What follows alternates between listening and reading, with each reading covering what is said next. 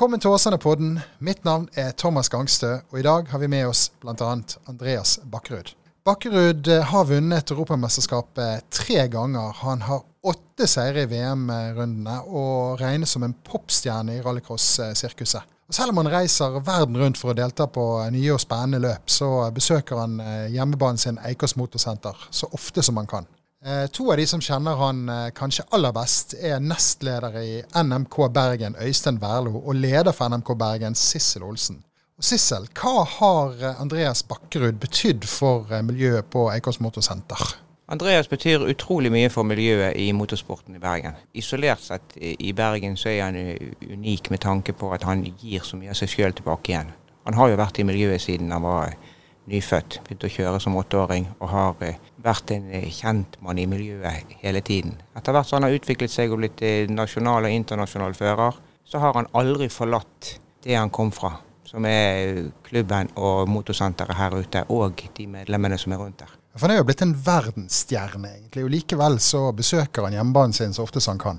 Han er en verdensstjerne, men han trives med å komme ut og faktisk kunne være seg sjøl med det som han kaller for sine folk og sine røtter. Hvordan blir han tatt imot når han er på Eikås motorsenter? Er det sånn at uh, ungene løper rundt han og hoier, eller er det ja, de yngste gjør jo det, for de syns jo det er eh, utrolig tøft når han kommer. Spesielt som sjef for uh, Bakkerud Babyblue-teamet. De tenåringene og ungdommene de prøver nå gjerne å holde en litt mer lav profil, og de har ikke lyst til å bli, bli oppfattet som at de er så voldsom higen på å løpe etter han. Men Andreas løper gjerne etter de sjøl for å spørre hvordan det går med de. Ja. Hva tenker du Øystein Werlo? Det, det, er jo et eh, stadig voksende gokartmiljø der ute. Og å få en verdensstjerne på besøk til disse 6, 7, 8, 9, 10-åringene, og kanskje det, det, må jo være stort? Ja da, vi, vi, eh, vi, har jo Andreas der eh, hver gang han har en mulighet til å kjøre litt gokart, så er han der og kjører. Og det er klart at han viser til alle i klubben at det går an å komme fra en liten sport som gokart for å bli en verdensstjerne i, i, i rallycross. Og, og, han viser òg at du kan komme fra en vanlig familie fra Morvik og bli så stor som han er blitt. Eh, og så flink som han er å, være der for de små, og for de store, som han som Sissel nevnte, at han eh, spør hvordan det går, om de har det bra. og Han er veldig omtenksom og grei, grei gutt, rett og slett. Hvordan tror du det er for de å lære av en uh europamester, trippel europamester og nesten verdensmester? Nei, han, ja, de, de, lærer jo at eh, Og vi ser jo tendensene til det òg, at uh, det er folk som kjører bilsport eh, på Eikås, som i dag har begynt å trene gokart. For de ser gjerne at det går an. Kanskje det er pga. Andreas. Og, og, han har vist at du begynner i det små med gokarten. Ja, I dag kan du begynne når du er seks år. Andreas begynte da han var åtte. Og som du sier, han er jo en verdensstjerne i dag i rallycross. Og, og det er jo stort for, for, klubben og Bergen å ha han. Tror du det er noen eh, Øystein, ute i miljøet der som, eh, som kan ta opp arven etter eh, Bakkerud på sikt? Jeg skulle ønske jeg kunne si ja og være helt sikker på det. Men det, dette handler veldig mye om penger. Denne idretten er dyrt å holde på med. Om noen andre klarer å gjøre den jobben som Andreas har klart, som en vanlig mann i gaten, det vet jeg ikke om går lenger. altså. Hva sier du Sissel, finnes det noen talenter der ute som i hvert fall kan gjøre det bra i nasjonal sammenheng? Vi har masse gode talenter på eh, Eikås og i klubben, men som jeg syns sier, om det er noen som kan klare det Andreas har klart, det handler jo ikke utelukkende om den gode føreren han er. Det handler jo om han som personlighet hans person er det som gjør at folk har fått øynene opp for han, og som er villig til å satse på han når det gjelder det økonomiske. Det, det handler eh, Altså det er en kombinasjon av de to tingene der. Så du må ha begge deler. Ydmykhet. Ja. Du må, du må, ha begge deler for å komme der. Og så må Andreas er så ekte. Det er, og det er det folk kjenner på. Det er det som gjør at han har så stor fanskare. Han ble jo faktisk nå kåret til årets uh, fører i, i FIA sin. Mm. Og det, bare det er enormt stort å bli kåret til det i det selskapet. Dere er jo to av de som nok kjenner Andreas eh, Bakkerud eh, og hans sport best eh, her i, her i, Bergen. Han har jo holdt på en stund. Nå er han 30 år gammel, deltatt i 11 sesonger. Blir han verdensmester en dag? Ja. Det tror jeg. Og det håper vi, for det fortjener han. Hva skal til? Stå på videre, aldri gi opp. Og det vet han. Ja. Det er nok noen der ute som sitter og vet at de burde gi han et sete som han fortjener for å nå målet. Mm. Veldig bra. Tusen takk skal dere ha. Da har vi også fått eh, journalist Ove Landro på plass her i eh, studio, og Andreas Bakkerud eh, himself i sofaen. Velkommen hjem, og utrolig kjekt å ha deg med oss her i Åsane-podden. Takk for at jeg fikk komme. Ja, det, Du er vel ikke så mye hjemme i Nei, altså, jeg har blitt litt mer i det siste, spesielt uh, rundt de her covid-årene. Da uh, ja. Da har jeg vært litt mer på hjemmebane. Kjekt å være i Åsane? Ja, det er jo det. Bortsett fra i dag er det litt blytungt med litt trist uh, vær. Men uh, det har jo vært uh, egentlig ganske fint år, sånn å være bergenser og Åsane-bo og, og, alt sammen. Så vi har hatt mye bra. Ja. Du, du, er jo, du er jo blitt litt superstjerne, syns vi, da. Reiser rundt i masse land og kjennes igjen. og... Hvordan Merker du litt det når du er her tilbake i Bergen òg, eller får du stort sett gå i fred? Ja, altså, jeg får stort sett gå i fred, men jeg får ofte de her stygge blikkene. sånn de jeg, 'Hvem er du? Jeg har sett deg før.' Skjønner du hva jeg mener? Ja. sånn at uh, de får jeg. Men det, det er få som liksom Eller det er ofte noe som bare 'Å, Helene, hvordan går det?' liksom. Og har sett deg kjøre, liksom. Gratulerer med EM-gull. Og, og, spesielt når, ja. når du vinner en tittel og er mye i avisen og sånn, så, så, så, får du den, og så går det to-tre måneder, og så dabber det litt ut. Det, vi tenkte egentlig å skru, begynne med å skru tiden litt tilbake. Ja. For det at du har jo på med dette en stund, selv om du kun er 30 år. Ja, altså, nå er jeg 30. Jeg husker da jeg var 16, så hadde jeg møte med Ove om, uh, om liksom uh, Holdt på å si backing på uh, presse og media og, og, den biten der, og få kontakter med en journalist, spesielt her i Åsane. Mm. Så det har blitt noen år. God hukommelse, du. Hvordan begynte det? Altså, Hvordan begynte det for deg? Hvordan ble du utøver i utgangspunktet? For min, for min del så var det min far som kjørte. Min onkel kjørte jo. Uh, så jeg vokste jo opp i depot.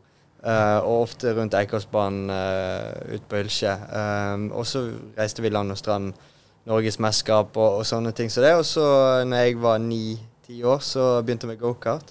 Var en av de første som på en måte begynte med gokart her fra Bergen. da.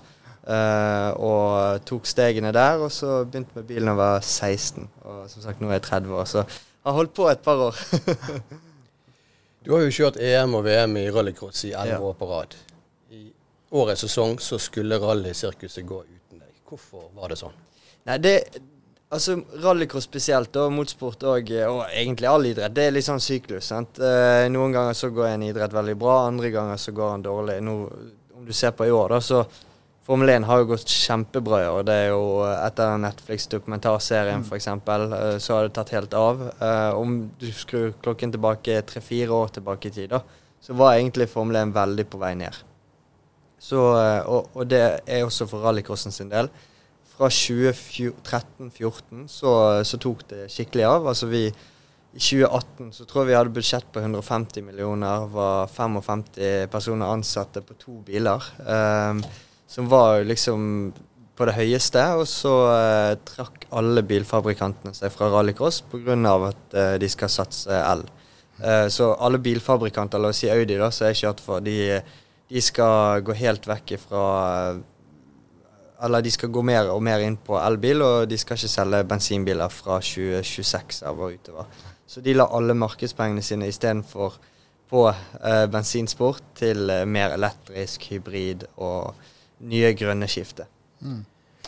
Betyr det at det er mindre penger i sporten nå? Ja, så da gikk jo jeg fra i 2018 og 150 millioner i budsjett på to biler til 20 millioner og ni ansatte. Så, og derifra har det gått enda mer nedover. Uh, så jeg hadde ikke noe, noe stor backup-støtte i 2021 som vi er i nå, så da, uh, da så det egentlig ut som at det ikke ble noe kjøring. Hvor mye penger snakker vi om? Hva må det være i potten for at du skal si go i kjører? Nei, nå, nå, jobber jeg kanskje med litt sånn budsjetter rundt tre til fire millioner uh, for å kjøre full VM.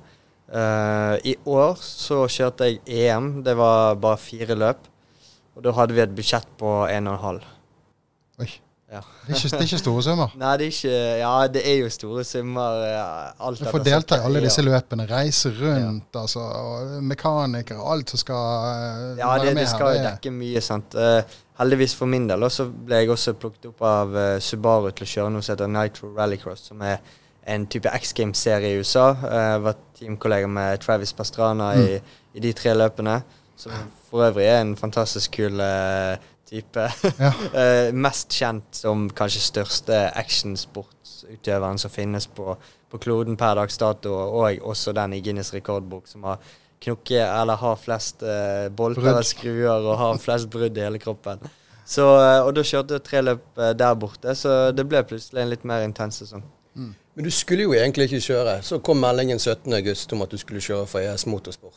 Hva var det egentlig som skjedde der? Det skjedde fort. Ja, Det skjedde veldig fort. Det var to uker før eh, VM, nei, EM skulle starte da, i Sverige. Uh, og jeg fikk en telefon og skulle egentlig være en testfører for uh, det lituanske teamet ES Motorsport, som driver, driver med Skoda-biler. da. Uh, så fløy jeg ned til Latvia, hadde en test, og der var også to-tre andre førere som skulle egentlig kjøre for dem. Eh, men jeg var såpass mye raskere enn de at uh, de, de ringte meg på vei hjem og sa Andreas, uh, you, you come drive Sweden. På litt sånn lituansk uh, engelsk, da. Og så sa jeg bare ja, yes. Yes, I do. så, så da ble det liksom eh, armer og bein. Få sammen litt sponsorer. eh, reise til første EM-løp som var i Sverige. Og så ble vi nummer tre der, og så tok jeg litt flere telefoner. Og så plutselig skulle vi kjøre i Frankrike. Eh, og etter Frankrike så ledet VM, så da var det på en måte Ja, faen, vi må jo uh, Jeg holdt på å banne her. Eh, da må jo vi Da må jo vi kjøre resten av serien. Det er bare to løp igjen. Så da, da hoppet vi på toget alle mann, og på en måte er veld, veldig heldig over alle de årene så har jeg hatt et veldig bra engasjement, spesielt fra Åsane. Og mange Åsane og Bergenspartnere som har vært med og, og gjort at det er mulig. Og 10. oktober, på 30-årsdagen, Ja. Blå himmel, sol, Belgia. så vant du altså tredje EM-tittel i rallycross. Ja. ja, det var en magisk greie. fordi at bakom den storyen så eh, var det litt sånn eh, Mange som har fulgt med meg, har sikkert sett at vi har reist med ganske mange personer rundt om på de ulike EM- og VM-løpene opp gjennom årene. Eh, nå De siste to årene så har det ikke vært så mye reise på, på eh, supportere, fans og sponsorer. Så eh, nå chartet vi vel et fly, eh, eller de, vi leide et eh, privatfly eh, for eh, rundt 15 sponsorer. Eh, og de sa vel egentlig at nå har vi ikke brukt penger på to år, nå kan vi unne oss litt. Så vi, eh, vi leide privatfly for 15 sponsorer, reiste til Belgia, 30-årsdag, EM-tittelfinale, og sammen med 20-25 andre bergensere, så så var vi i Belgia og ble, ble europamester eh, for tredje gang. Så det var, det var liksom en utfattelig kul opplevelse. For det første så, så var det 30-årsdagen min, så det var jo spesielt. Det var blå himmel og sol. Så var det litt den her følelsen du vet når alle er ute av den koronaboblen og får møte hverandre igjen, og det var lite smitte, og alle kunne klemme og, og, og skåle sammen, liksom, og shake hands. Um, og så i tillegg så så ja, det var liksom bra stemning. Jeg hadde han som eh, jeg eh, kjempet om EM-tittelen med, han sto ved siden av meg i finalen, liksom. Det var skikkelig nerver, det, det var ikke noe tull. Så det, det, var, det var tøft. Men Hvorfor drar du det i land? Er det, er det erfaringen din? Er det gutsen din? Er det galskapen din? Er det alle tre år, tingene? eh, Ja, det er kanskje en kombinasjon. I år så eh, Altså Før så har jeg vært eh, litt sånn her, han er jyplingen som kommer inn, sånn. men nå er jo jeg blitt 30 år. Sånn. så i år så tror jeg jeg vant litt mer på erfaring. Jeg snakket litt med Petter Solberg før sesongen, eller dagene før jeg meldte meg på EM, at liksom Skådan og ES Motorsport, eh, de har aldri vunnet noen ting, og Petter frarådet meg egentlig litt med å kjøre der.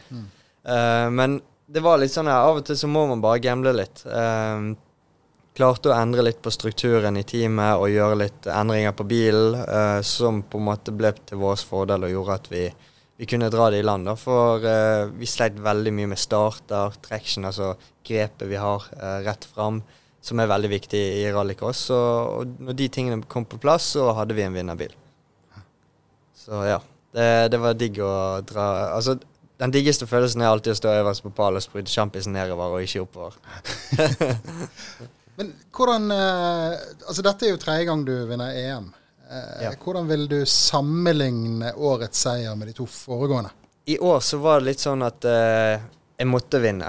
Uh, altså, jeg har jo vært en av de førerne som har på en måte vært der oppe og fått lønn for å kjøre og holde på med rallycross. Og, og eh, da å gå ned til EM Det er sikkert mange som så på det som liksom OK, det er et setback. Og, og det var jo det òg. Eh, drømmen er jo å bli verdensmester. Men, men jeg hadde ikke muligheten til det i år, så steppe ned til EM, så, så føler du at OK, her må jeg vinne. Uh, men det var liksom på en litt sånn kul måte, for det var, som jeg var inne på, det var ikke et vinnende team, det var ikke en vinnende bil. Eh, men vi klarte å gjøre veldig mye på kort tid med lite ressurser. Så og ingen test, liksom. sant? Jeg bare hoppet inn i bilen i Sverige, ble nummer tre. Um, og teamkollegaen min ble nummer 17.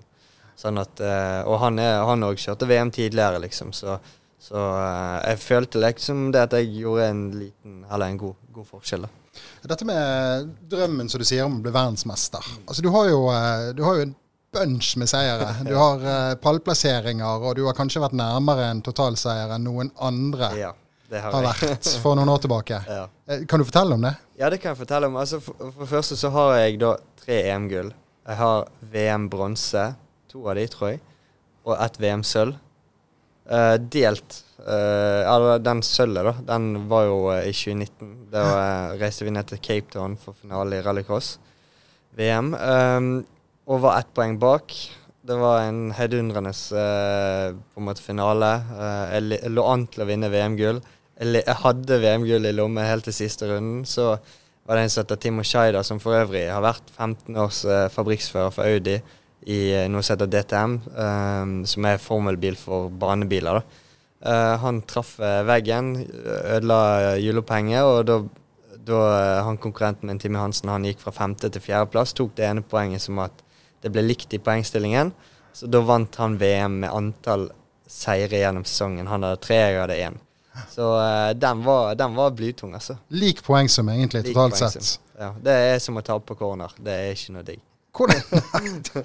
Men i, VM-sammenheng, i så stor idrett som dette faktisk er, og så mye penger involvert, hvordan føltes det for deg? Nei, det var, det var hardt. Um, det var Altså, det, det er noe som går litt innpå deg, for det, eh, du jobber så tett på det, sant? og du har så mye følelser inni, og spesielt når det er liksom Du vet hva som står på spill, og hvor mye du har lagt ned, og hvor mye du har jobbet, og liksom Og spesielt det året der, så var jeg eh, da Det var første året det var privatsatsing igjen, etter et par eh, veldig gode år med fabrikker inne som som på en måte sto for all økonomien og alt ansvaret. Så sto jeg som teamsjef, som fører, som økonomiansvarlig, sosiale medier-ansvarlig. Altså jeg hadde veldig mange roller det året og jobbet jo døgnet rundt eh, sammen med liksom gode venner og, og partnere. Ehm, sånn at eh, det, var, det var superspesielt.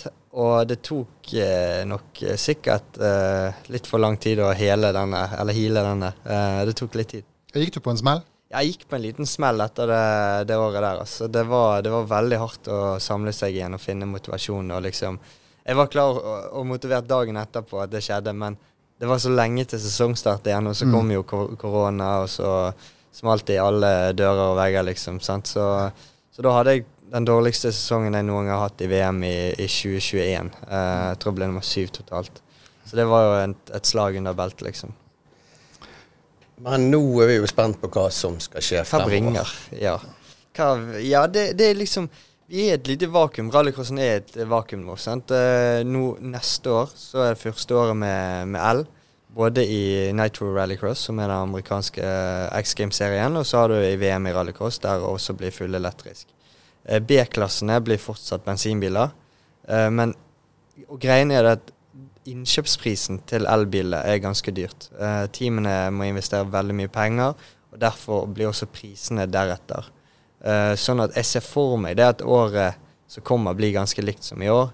Mye gokartkjøring. Um, det blir litt sånn siste liten Um, det, det er vanskelig i markedet rundt om. Altså, altså sponsorsiden, den biten der. Det, det har alltid vært tøft, men jeg føler spesielt rundt eh, korona, når folk ikke får reise og den biten der, så er det ekstra tøft å liksom eh, ha Lilleland store budsjetter, da.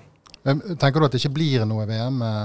Eh? For, min, for min del så blir det vanskelig, tror jeg. Men det er muligheter, og selvfølgelig har jeg litt eh, marginer på min side, så kan det bli det. Jeg snakker med alle teamene, og alle vil jo at jeg skal kjøre og, og sånn som det, men budsjettene er såpass høye at de er nødt for å Eller filosofien er at eh, eh, førerne må ta med seg penger, da. Mm. Så som regel så får jeg ofte en god deal, men det, det er hardt å finne de midlene. Men du snakker fire, fem, seks millioner. Ja, ja. Det blir fort det. Hva frist eh, har du for å sesongen begynner ikke før i juli neste år, eh, så veldig sent. Eh, og så blir det hektisk fra juli og ut til eh, desember igjen. Mm. Eh, men, eh, men ja, frist er 1. mai. Har du et mål om å få det til, eller har du bestemt Ja, deg for at Ja, jeg prøver jo. Eh, men, eh, men jeg tror også eh, Med mine, med mine eldre dager så har jeg vært litt sånn her, jeg har jo fått det til tidligere. Uh, vi har jo hatt en omsetning på 14 millioner i 2019, liksom. Men jeg tror ikke jeg kommer til å gå dit uh, igjen, for det, det var blodsmak i kjeften, vondt i magen og mye bekymringer. Uh, det tar på. Så jeg, jeg, tror ikke det blir den jobbingen igjen. Men kommer det en stor aktør her, kanskje norsk en for den saks skyld, og slenger fire-fem millioner på bordet, så er du klar? Da er vi back in business. Da er vi back in business. Ja. Så til alle dere der ute, bare vips nien her, vet du. ja. Vi har kjempespleiselag for oss for å få Andreas Bakkerud inn i eh, VM-sirkuset. Men...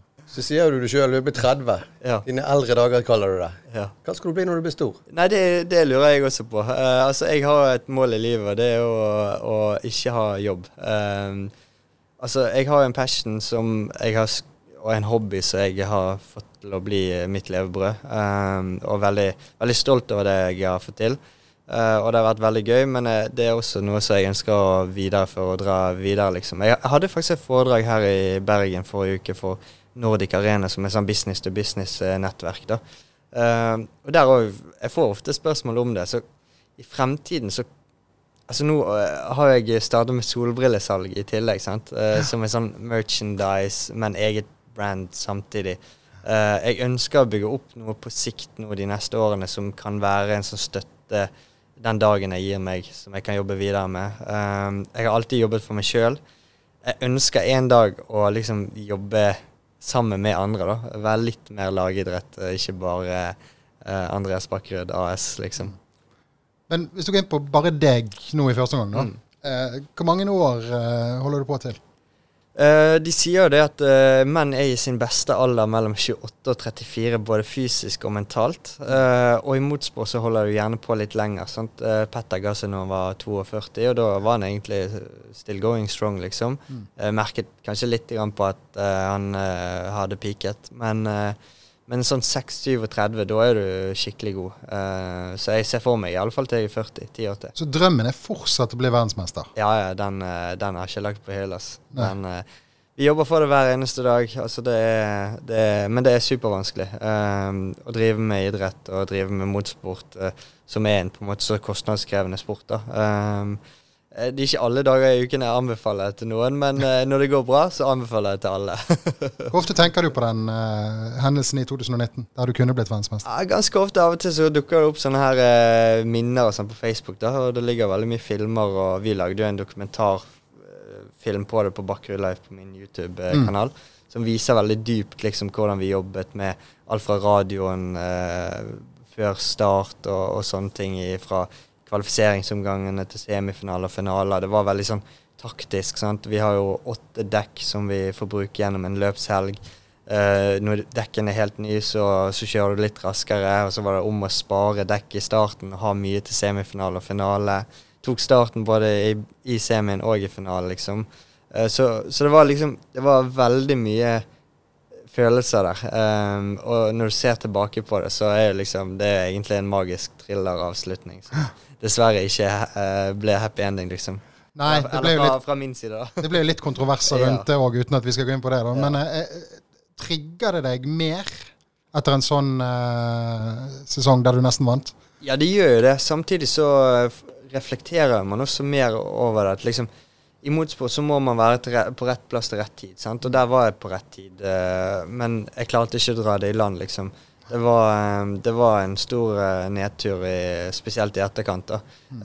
Um, så håper jeg selvfølgelig at jeg kan jobbe meg tilbake til, til et uh, bra team igjen og ha en bra mulighet. Men det kommer til syvende og sist uh, litt an på budsjett, liksom. Jeg kjemper mot de som de som har vært i gamet i mange år. Sant? De har solide partnere. De har, uh, eier som regel biler og team og, og sånne ting. Jeg uh, eier en gokart, og nå er jeg blitt Åsane-bo, så nå uh, eier jeg en tomannsbolig sammen med min samboer. Så, så Men jeg har liksom ikke tatt den risken å ha en garasje og, og en bil og semitrailer og ansatt 15 mann, liksom. Det ja. høres nesten etablert ut, men du er fremdeles sulten? Ja, det er jeg. Det er jeg. Ja. Det er jeg absolutt. Altså, jeg tror jeg tøyer strikken litt lenger enn de fleste andre på andre områder. liksom. Jeg eh, kjører som sagt veldig mye gokart, simulatorracing, trener som regel hver dag. Um, og, og, holder koken oppe, liksom. sant? Samtidig så jeg eh, Nå er jeg bare én ansatt i, i firmaet, så jeg driver med sosiale medier, Uh, salg til sponsorer, skaper ideer. Uh, og det, det er jo veldig kjekt i tider, men det er også veldig vanskelig når, er, liksom, når du har sånn kjedelige jobber foran deg. Det er lett for å liksom åh, skulle sove litt ekstra, liksom. Du har ikke noen sjefer over deg, ingen kontor, liksom, så du må møte klokken åtte eller syv eller halv åtte eller hva tid det skulle være, liksom. Det der med jobber er litt spennende, Ove. For det at uh, du har tegnet ned en liten oversikt over hvor mange jobber Andreas Bakkerud faktisk har hatt. Har og det er jo ikke bare permanente jobber, det er også strøjobber ja, for at du skal finansiere deler av driften din. Det har vært en del strøjobber. Ja, du har vært sjåfør, du har vært mekaniker, du har vært veiklipper, snømåker, maler, selger. Jeg vet ikke om denne listen er Jeg kan uh, edde til uh, Jeg har jobbet som i, i sommer så jobbet jeg for en som heter Morten Hagen med båter. Så maling og og eh, servicer på båter. Jeg var også innom eh, HD Maskin oppe i Ålesund og la uh, jeg holdt på å si oh, fiber i bakken. Så jeg har gjort veldig mye forskjellig reklame hos Informativ. ja, det har vært, vært, litt forskjellig. Det har vært mye gøy òg.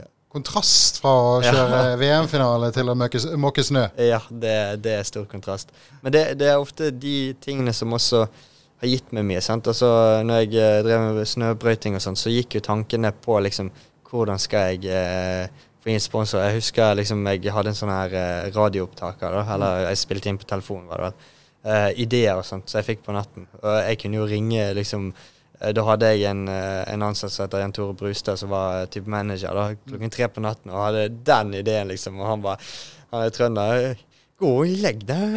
altså, det var jo Han ble jo forbanna et par ganger, men det, det er verdt det. Og, og sammen med liksom uh, Etter den her uh, VM-sesongen i fjor, som egentlig ble en liten sånn fadese, da, uh, som av korona og liksom litt seine innbetalinger fra, fra, fra ulike partnere og, og, sånn som det, så, så gjorde at liksom det ikke ble helt på stell. da, Og teamet som vi jobbet med, var var vanskelig. Eh, franskmenn er ikke alltid det enkleste å forholde seg til. Eh, så, så, var det også godt å komme til Ålesund og legge litt fiber og jobbe litt eh, flere timer enn Arbeidstilsynet tillater. klarer du ikke å bli ut når du er på en sånn jobb, eller tenker du på uh, Ja, for det, da kjenner man at man lever litt, sant. Altså, man, det var kaldt, og det var rufsete vær, og det var, man følte seg litt elendig, og man følte litt Rocky Balboa inni kroppen, liksom. Og av og til så trenger man å få en lite uh, slag i trynet, holdt jeg på å si, og gjøre litt andre ting. Uh, det motiverer en til å liksom holde på og vite at man digger det man holder på med. Hvis vi, drar, uh, hvis vi kjører litt tilbake fra Ålesund til Åsane igjen, ja. og Eikås Motorsenter f.eks. Du har jo du et produkt av Eikås Motorsenter, egentlig. Absolutt. det er det jeg. Jeg har vært, vært mye der. Det er jo mitt andre hjem. Hva betyr, hva betyr Eikås Motorsenter for deg? Hva har det betydd for deg? Ja, Det betyr veldig mye. altså Ikke bare, ikke bare banen, og sånn men det er jo liksom alle de frivillige som stiller opp og dugnader. og liksom Når vi har gokarttrening to ganger i uken. Det skal uh, vaskes bane, males curbs, det skal organiseres trening. det skal det skal kjøres og hentes og bringes. og liksom, det, det er veldig mange i klubben som er ildsjeler. Og spesielt en sånn klubb som det der, eh, så, så, trenger du veldig mange personer som kan være med og hjelpe til. da. Mm. Uh, om du snur klokken tilbake til 97 og uh, før den tid òg. Altså, vi var på NMK Bergen sitt uh, 100-årsjubileum tidligere. November, ja. I november. og da så jeg de hadde en hel vegg med avisutklipp fra tidenes morgen. Første gang NMK Bergen og Eikas Motorsportsenter var dokumentert, var jo 1980. Oi. Og det var litt sånn det var litt sånn kult å se liksom storyline til hele motorsportsenteret. For vi har veldig mange aktive utøvere, og uh, vi har, hatt veldig mange aktive utøvere. og mm. Kult å se litt sånn historien bak hele greia. Jeg husker min far var med mye på, på dugnad og, og liksom kutte ned trær og, og kjørte gravemaskiner eh, og asfalterte og gruset og dumper og hit og dit. Så så det var Det er liksom ikke bare den jobben som gjøres nå, men også den jobben som har vært gjort. da. Så det er et fantastisk miljø der ute. Det er mange unge er altså det. barn nede i fem-seksårsalderen som kjører gokart. Ja, ja. Til voksne seniorer. Ja, det er helt, eh, helt vilt. Altså, jeg har et juniorteam i gokart liksom, som er fra barn mellom seks eh, år og oppover, liksom. Um, eller fem og et halvt, faktisk. Uh, og de kjører liksom 60-80-90 km på langsiden. Eh, og så henter du i barne barnehagen liksom ut på Eika og kjører gokart. det, det er ganske spinnvilt egentlig, da. Uh, men også så gir de veldig en sånn mestringsfølelse. Um, og de har det veldig sånn lekent i depot. Spiller fotball, uh, gamer og alt mulig på fritiden. Og ja, det blir en veldig sterk liksom uh, vennegjeng, da.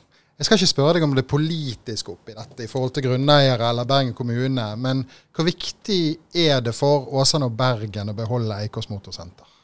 Jeg, jeg, tenker kanskje jeg kan snu litt på flisen der og si det at liksom jeg som har vært en aktiv utøver i jeg vet ikke. Jeg har holdt, som dere sa, elleve år har kjørt EM og VM. Uh, I Bergen så finnes det én bane. Og om du tar en sirkel rundt eh, Bergen og to timer kjøring, så finnes det ingenting annet enn Eikas motorsportsenter. Mm. Uh, ok, vi har Bergen gokartsenter som et leie gokartsenter inne på Sotra. men ellers så har vi ingenting. Tar du en ring rundt Oslo, så finnes det kanskje 30 baner. Så Innenfor to timer kjøring, sant? Ja, så sant. Kjøring. Så, så det, jeg føler liksom vi, vi, må nå ha det for å beholde den som vi har. Uh, ellers så er det helt nøtte. Mm. Det er viktig at han uh, ligger der han ligger? Ja, altså Kanskje ikke sånn superviktig, men da må det være en plan i bakhånden. liksom, At uh, vi får holde på på Eikers Motorsportsenter til noe annet er klart. sant? Um, og og det er jo supervanskelig for Sissel og Trond og de som er, er øverste lederne i NMK Bergen og Eikers Motorsportsenter, at, eh, at uh, ja, man har en lengre plan enn ett år eh, om gangen og to år. og, og sånn, så Det er jo superutfordrende å, å, få det til å gå rundt. Men mm. jeg syns de har gjort en kjempejobb hele veien. Det er bare synd det, det, er vanskelig med politikk. og jeg er ikke godt nok innsatt at jeg kan si, si det ene eller det andre, men det er klart at motorsport er levebrødet mitt, og uten Eikers motorsportsenter så kan ikke jeg holde på med det. Nei. Da hadde ikke fantes en Andreas Bakkerud som var helt i verdenstoppen heller. Det er helt sant. Du, um, og så er det noe med liksom Bergen er jo litt unikt da når det kommer til utøvere. Sant? Uh, vi har motorsport på, i Åsane, og så har vi jetski og sånt, og ute i Fana og på Hell, Hell hva heter det? Helleneset. Helleneset. Mm. Uh, litt sånn utradisjonelle, rike norske idretter. Men i forhold til, et spørsmål til i forhold til det utradisjonelle. Mm. for du har en gang sagt Oi. at du kunne tenke å ha deg et løp i Bergen. Ja, det hadde vært rått. Kanskje til og med i eh, Bergen sentrum. Ja, det, og det er jo litt mer mulig nå når uh, elbilene kommer, da. Uh, kanskje vi får litt mer godgjørelse da, holdt på å si. Men selvfølgelig, det, det hadde i så fall vært en veldig stor jobb. Og kanskje når jeg var litt yngre, så Å, dette er mulig, dette er mulig, det er mulig. Og nå er det litt sånn OK, jeg skjønner dette. Det, det er kanskje litt skudd i blinde. Men, men, det hadde jo vært sykt kult. Mm. Hvor mange år uh, frem i tid uh, ser du for deg før det kan bli en mulighet, eventuelt? Ja, fem år, kanskje. Fem år, ja. Fem år. ja. Det hadde vært kult å ha det her i Åsane òg, da. Det hadde vært helt fantastisk. Ja. Vi sitter av hele motorveien, vi, ja, vi det er. Andreas Bakkerud, eh, takk for at du kom til oss i Åsane-podden, og lykke til videre hvor enn den veien måtte bringe deg. Takk for at jeg fikk komme. Det var årets siste utgave av Åsane-podden. Vi er tilbake rett over nyttår. Vi høres.